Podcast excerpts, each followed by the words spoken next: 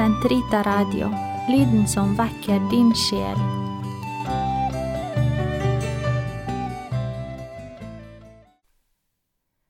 Karmels hage episode 29 Kjærligheten næres av offer. Et kontemplativt liv er ikke isolert fra verden og dens behov, snarere tvert imot. Teresas reformerte Karmel sprang ut ifra en desperat nød i kirken, fremskyndet av reformasjonen og dens ringvirkninger i form av krig og åndelig oppløsning. Teresa svarte på dette ved å legge til rette for bønn og offer for sjelenes frelse og hyrdenes styrke der de står i frontlinjen. Vi har mye å be for i dag, krig og humanitære katastrofer. Faste og bønn er på pavens oppfordring på alle katolikkers dagsorden. Kirkens verdier er også under konstant press. Spesielt ser vi dette i familielivet og den oppløsningen som skjer både med hensyn til kjønnsidentitet og samlivsformer. Familier trenger sannelig forbønn. I et år og frem til verdensmøtet for familier som skal arrangeres 22. til 26. juni i 2022, ber menigheter og ordenshus i Norge spesielt for familiene gjennom kirkens sterke våpen, rosenkransbønnen. Den 26. i hver måned ber vi derfor sammen for familiene, også her på Sankt Rita radio. For karmelittene er det i den forbindelse naturlig å anrope vår kjære helgen Teresa Lichøs foreldre, Louise og Célie Martin, som vi skal snakke mer om i dagens utgave av Karmels hage. Men før vi begynner denne fremstillingen, må jeg si noen ord om offer og lidelse. Det blir nok et refreng i mye av det jeg snakker om her på radioen. Så sentralt er det altså.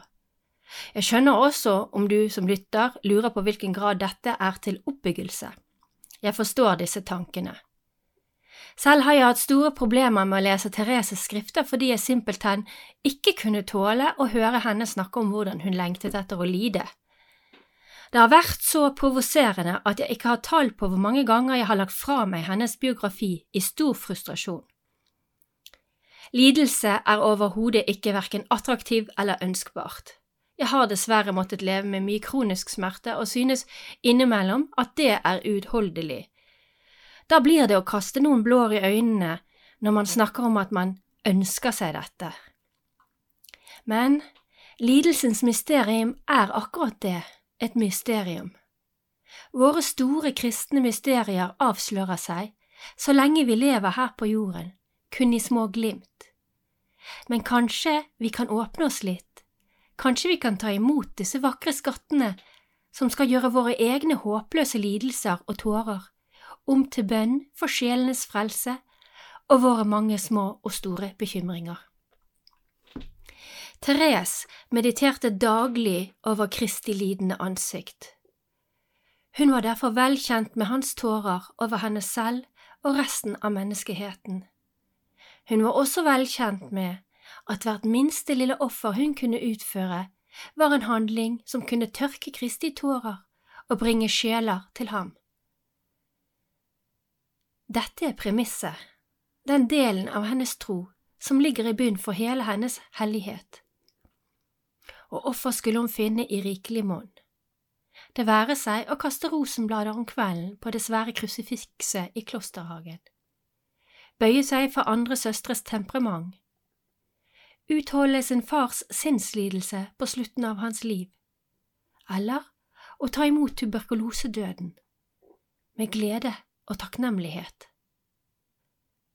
La oss forsiktig, gjennom Thereses hellige foreldre, åpne oss fordi vi ikke forstår, men som er dypt gledesfylte skatter i vår tro. La oss be disse hellige i himmelen om at vi får ta del i og opplyses av den visdom og livsmot som var hele denne familien til del. Vi må aldri miste motet i møte med de hellige og gi opp vår egen hellighet med det håpløse åh, hvis bare Nei, de fleste av oss er ikke oppvokst i en slik familie som Therese var, men akkurat nå, akkurat i dag, har vi altså muligheten til å la oss forme. til å la oss opplyse og lære det vi kanskje aldri lærte i vår barndom. I denne familiens armer finnes det overhodet ingen unnskyldning for ikke å la seg forme til en helgen. Hvor liten, hvor elendig, hvor syk eller svak vi enn anser oss å være, er dette i denne familiens armer, med den guddommelige logikk, kun til hjelp på vår vei mot hellighet. Vi ber sammen. Kom, Hellige Ånd, fyll dine troendes hjerter og tenn i dem din kjærlighetsild, du som gjennom de mangfoldige tungemål samlet alle folkeslag til troens enhet. Send ut din ånd, og alt skal bli omskapt, og du fornyer jordens åsyn. La oss be. Gud, du har opplyst de troendes hjerter ved Den hellige ånd. Gi oss at vi ved din ånd kan glede oss over det som er rett, og alltid bli lykkelige ved Hans trøst, ved Kristus vår Herre. Amen. Under St. Paul menighets pilegrimstur gjennom Lysjø i oktober 2014 fikk den som ønsket det anledning til å be ved relikvieskrinet til ekteparet Louis og Celie Martin. Fra og med 8. september 2008, i forbindelse med deres saligkåringsprosess, ble levningene deres plassert sammen i et relikvarium i krypten, under den basilikaen som ble bygget i forbindelse med kulten rundt deres helligkårede datter, Santa Teresa av. Allerede i 2014 var det knyttet store forventninger til ekteparet Martin. Deres relikvier sto på alteret under den ekstraordinære familiesynoden dette året. Og ryktene gikk om en snarlig helligkåring, etter enda et godkjent mirakel på deres forbønn. Nå vet vi at det skulle skje under familiesynoden 18. oktober 2015. Vi vet også at de samme relikvier høsten 2018 foretok en rundreise i Skandinavia og tilbød alle dem som ikke kan reise på pilegrimstur, den samme muligheten til å fordype seg i denne avmaktens vei til hellighet, som med denne familiens vakre, vakre gave til verden. Begge Thereses foreldre, Celie og Louise Martin, ble helligkåret sammen, som ektepar, altså i 2015. Ekteparet Martin er det første ektepar i kirkens historie som helligkåret sammen i én prosess, og deres dag vil feires 12. juli, på dagen for deres bryllup. Det er også de første foreldre til en helgen som er helligkåret. Men dette skjedde ikke fordi de er den kjente Santa Teresa Lisieux foreldre. De ble saligkåret på grunn av sin livsførsel. Det var, og er for oss i dag, et strålende og tydelig eksempel på heroiske dyder.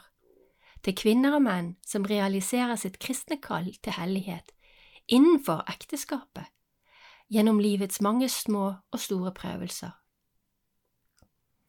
Fokus på ekteskapet som kalte hellighet har vært holdt særdeles skarpt siden Johannes, pave Johannes Paul 2.s pontifikat.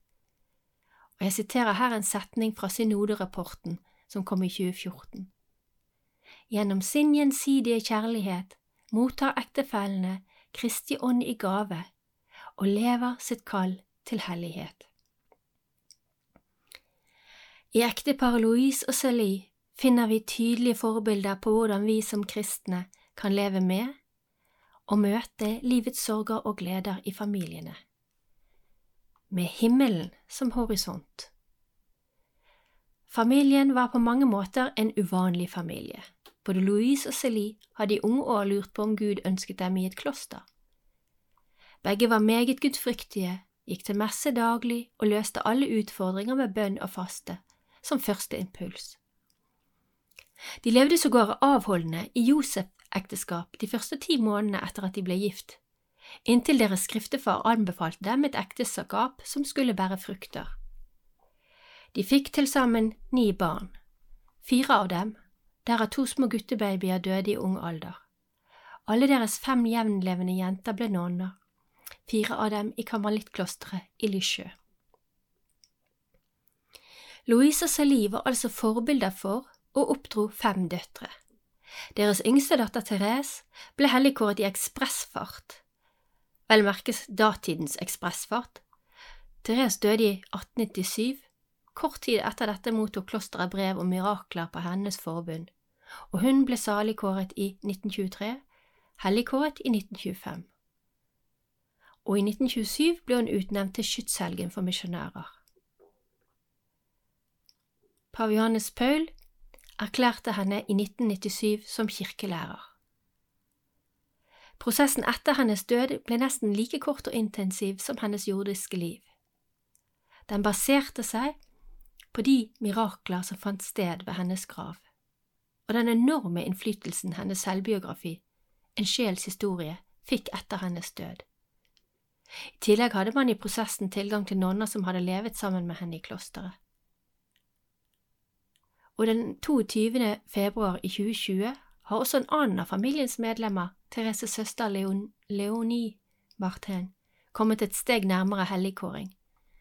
Da ble den ærverdige Leonies Martens sak oversendt fra det lokale bispedømmet til Vatikanets kongregasjon for helligkåringer. Og ikke i noen av disse prosessene kan man unngå å legge merke til den tornefulle vei alle disse har gått mot hellighet. Tårer har vannet de vakre liljer, slik Therese beskriver sine søstre, og den vesle unnselige markblomsten som Therese ser på seg selv som. Vi vet derfor at alt det Therese ba om og skrev om i denne tårenes dal, var en virksom vei til Gud som vi burde lytte intenst til. Men først litt mer om ham som kanskje sto Thereses hellighetshjerte nærmest, hennes far, som var hennes store kjærlighet og forbilde.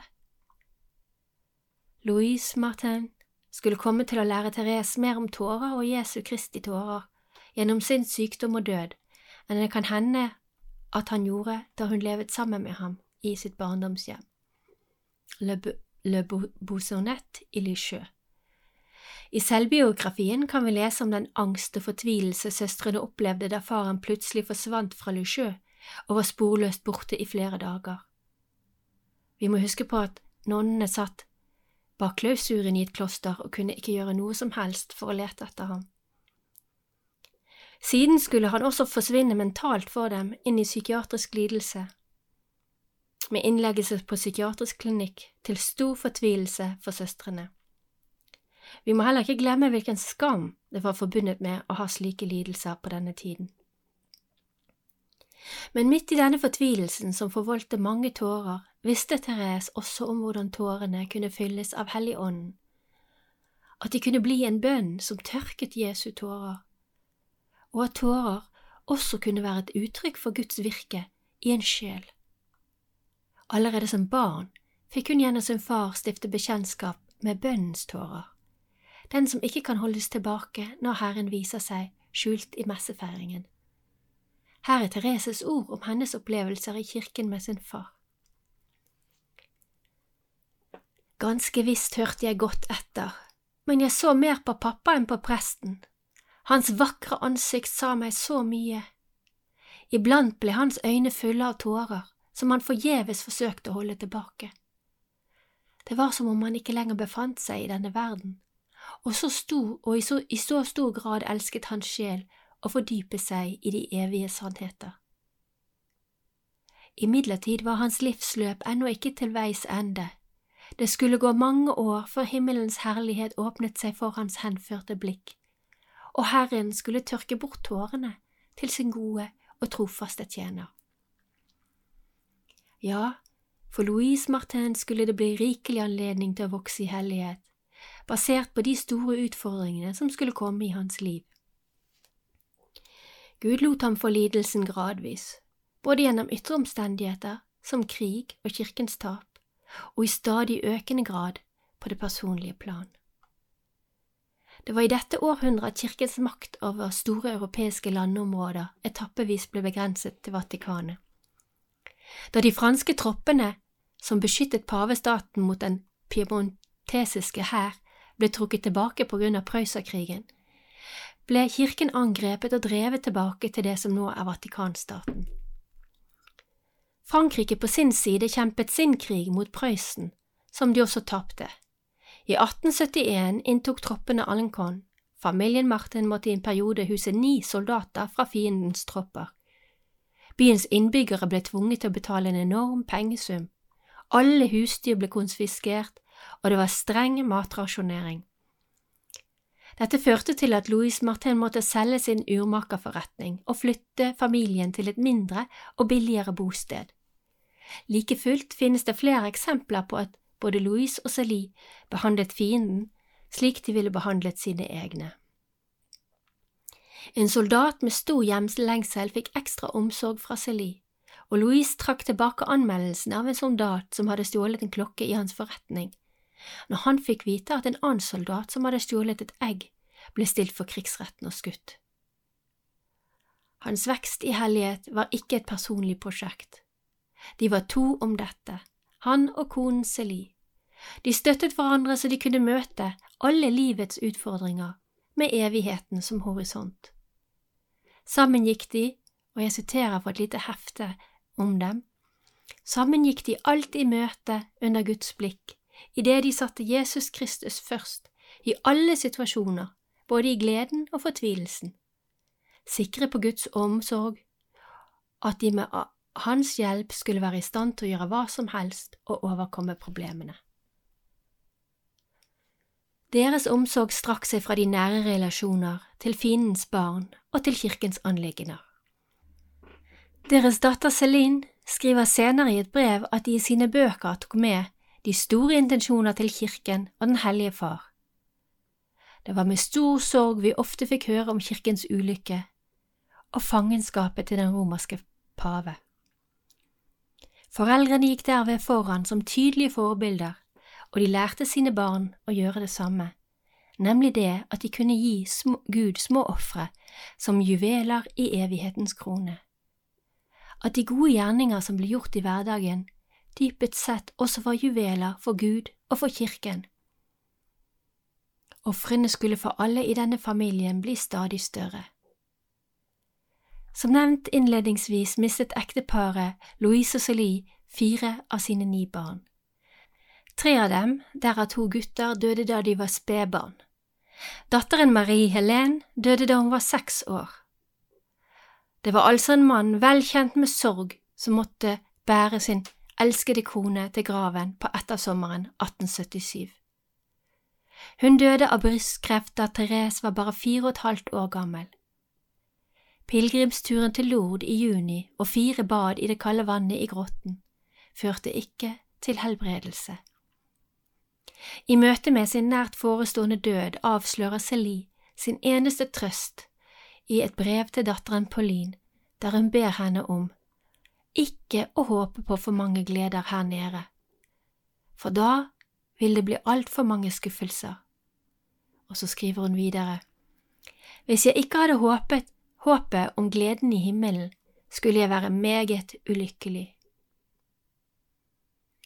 Det var altså en hardt prøvet liten familie som flyttet til Le Bessenets i Le Jeu samme år, for å kunne leve nærmere jentenes onkel og tante på morssiden. Disse kom til å få en fremtredende plass i de morløse jentenes liv. Onkel Isidore Cueren ble barnas verge og hadde et ord med i laget i alle viktige avgjørelser. Lille Therese den yngste mistet ikke bare moren, men også de to eldste søstrene da de gikk i kloster, Pauline i 1882 og Marie i 1886. Uhemmet sorg og tårer og en uforklarlig lidelse ble del av Thereses oppvekst, og også en utfordring for hennes far. Enn så lenge var det ingen som ante noe om de utfordringer som skulle komme i Louise Martins siste leveår, med hjerneslag og psykiatrisk lidelse. I disse tider, hvor Kirken viser ekstra omsorg for familier i nød, kan vi ta imot dette ekteparets visdom og bønn over oss som en stor gave til alle de vanlige familier som strever med sine liv. I stedet for å unnskylde vår manglende vilje til å strekke oss mot hellighet, kan vi nå få lov til å hente inspirasjon og forbønn fra et ektepar som, gjennom lidelse og kors, fant veien til oppstandelse og hellighet. Vi kan fornye vårt håp om at også våre ekteskap skal være en vei til hellighet, så vi virkelig kan sette pris på muligheten det gir oss til selv å gi opp våre selvsentrerte prosjekter og lære å si du eller vi fremfor jeg. Da kan vi være takknemlige når ekteskapene oppleves som en havn av trygghet og glede, mens vi også kan øve oss på å møte skuffelser og avmakt med tilgivelse og gudsfrykt. Hellige Louise og Celine Martin, be for oss. Vi avslutter i dag med den bønnen til Hellige Louise og Celie som ble bedt i forbindelse med relikvievalfarten. Hellige Louise og Celie, vi venner oss til dere som, både som ektepar og foreldre, har vitnet om en eksemplarisk kristen livsførsel. Ved å sette Gud fremfor alt, ved å trofast oppfylle pliktene livet krever, og ved å praktisere de evangeliske dyder. Hjelp oss å ha urokkelig tillit til Gud og å overgi oss til Hans vilje.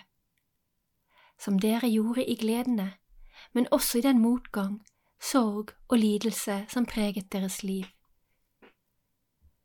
Hjelp oss å elske Gud med et helt hjerte og holde ut i våre daglige vanskeligheter, og bli værende i den gleden og det håpet som en levende tro på Kristus gir oss.